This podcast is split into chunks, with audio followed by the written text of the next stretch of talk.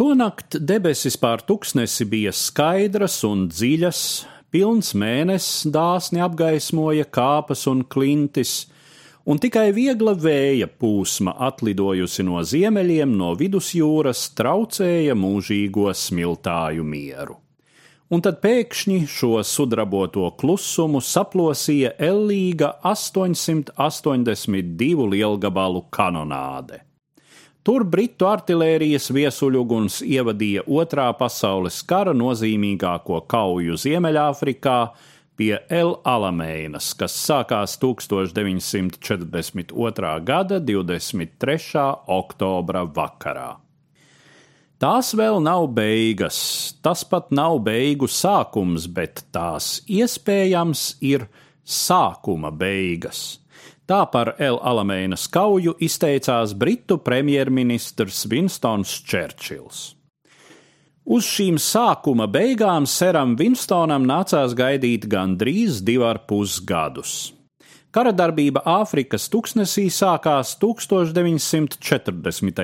gadā, kad Briti pēc zaudētās kaujas par Franciju ar bažām gaidīja vācu iebrukumu pāri Lamanšam.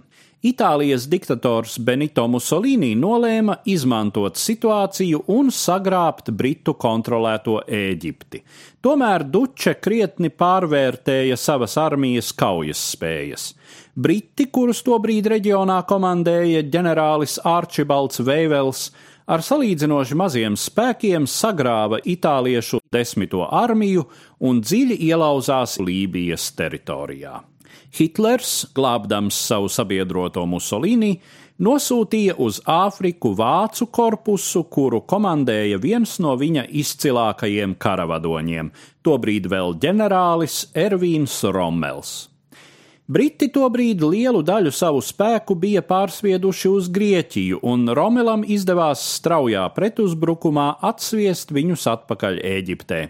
Taču gada otrajā pusē, kad Vācijas spēki bija koncentrēti iebrukumam Padomju Savienībā, situācija atkal mainījās, un nu jau Romels bija spiests atkāpties.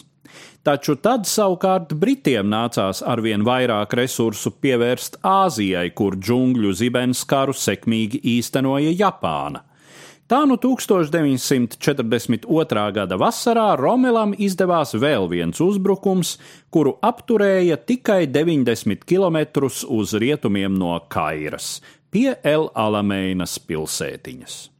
Te 65 km platā joslā starp vidusjūru un tankiem nešķērsojamo Kataras zemieni notika izšķirošā sadursme. Premjerministrs Čērčils, neapmierināts ar līdzšinējo notikumu gaitu, nomainīja Britu Eģiptes spēku vadību, un par 8. armijas komandieri kļuva ģenerālis Bernards Montgomerijs. El Alameina bija kauja ne tikai starp divām armijām, bet arī divu karavadoņu - Rommela un Montgomerija divkauja. Daudzējādā ziņā atšķirīgi abi karavadoņi bija līdzvērtīgi pretinieki vienā aspektā.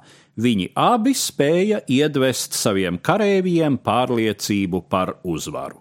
El Alameinas kaujā bija maz iespēju izdomai un taktiskai veiklībai. Lielā mērā tā bija frontāla sadursme, kurā priekšrocības ir stiprākajam, un šajā gadījumā tie bija britu sadraudzības spēki, kuru sastāvā cīnījās arī austrālieši, jaunzēlandieši, dienvidāfrikāņi, indieši, grieķi un franči.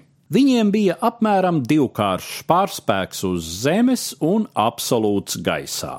Montgomerijam izdevās turēt Romelu pastāvīgā neziņā par to, kur īsti tiks dots nākamais trieciens.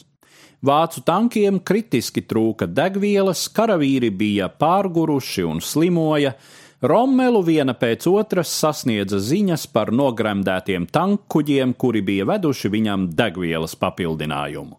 Pēc 13 dienas ilgušās kaujas vācu un itāliešu spēki bija izsmelti, un Romels, pārkāpjot Hitlera pavēli, uzsāka atkāpšanos, kas gan vairāk līdzinājās bēgšanai. Pie tam, atkāpjoties no Ēģiptes, Romels uzzināja, ka viņa armijas aizmugurē, Marokā un Alžīrijā krastā izsēdusies vēl viena sabiedroto armija, kuru komandēja amerikāņu ģenerālis Dvaits Eizenhauers. Līdz ar to vācu un itāliešu spēku liktenis Āfrikā bija izlemts. Stāstīja Eduards Liniņš.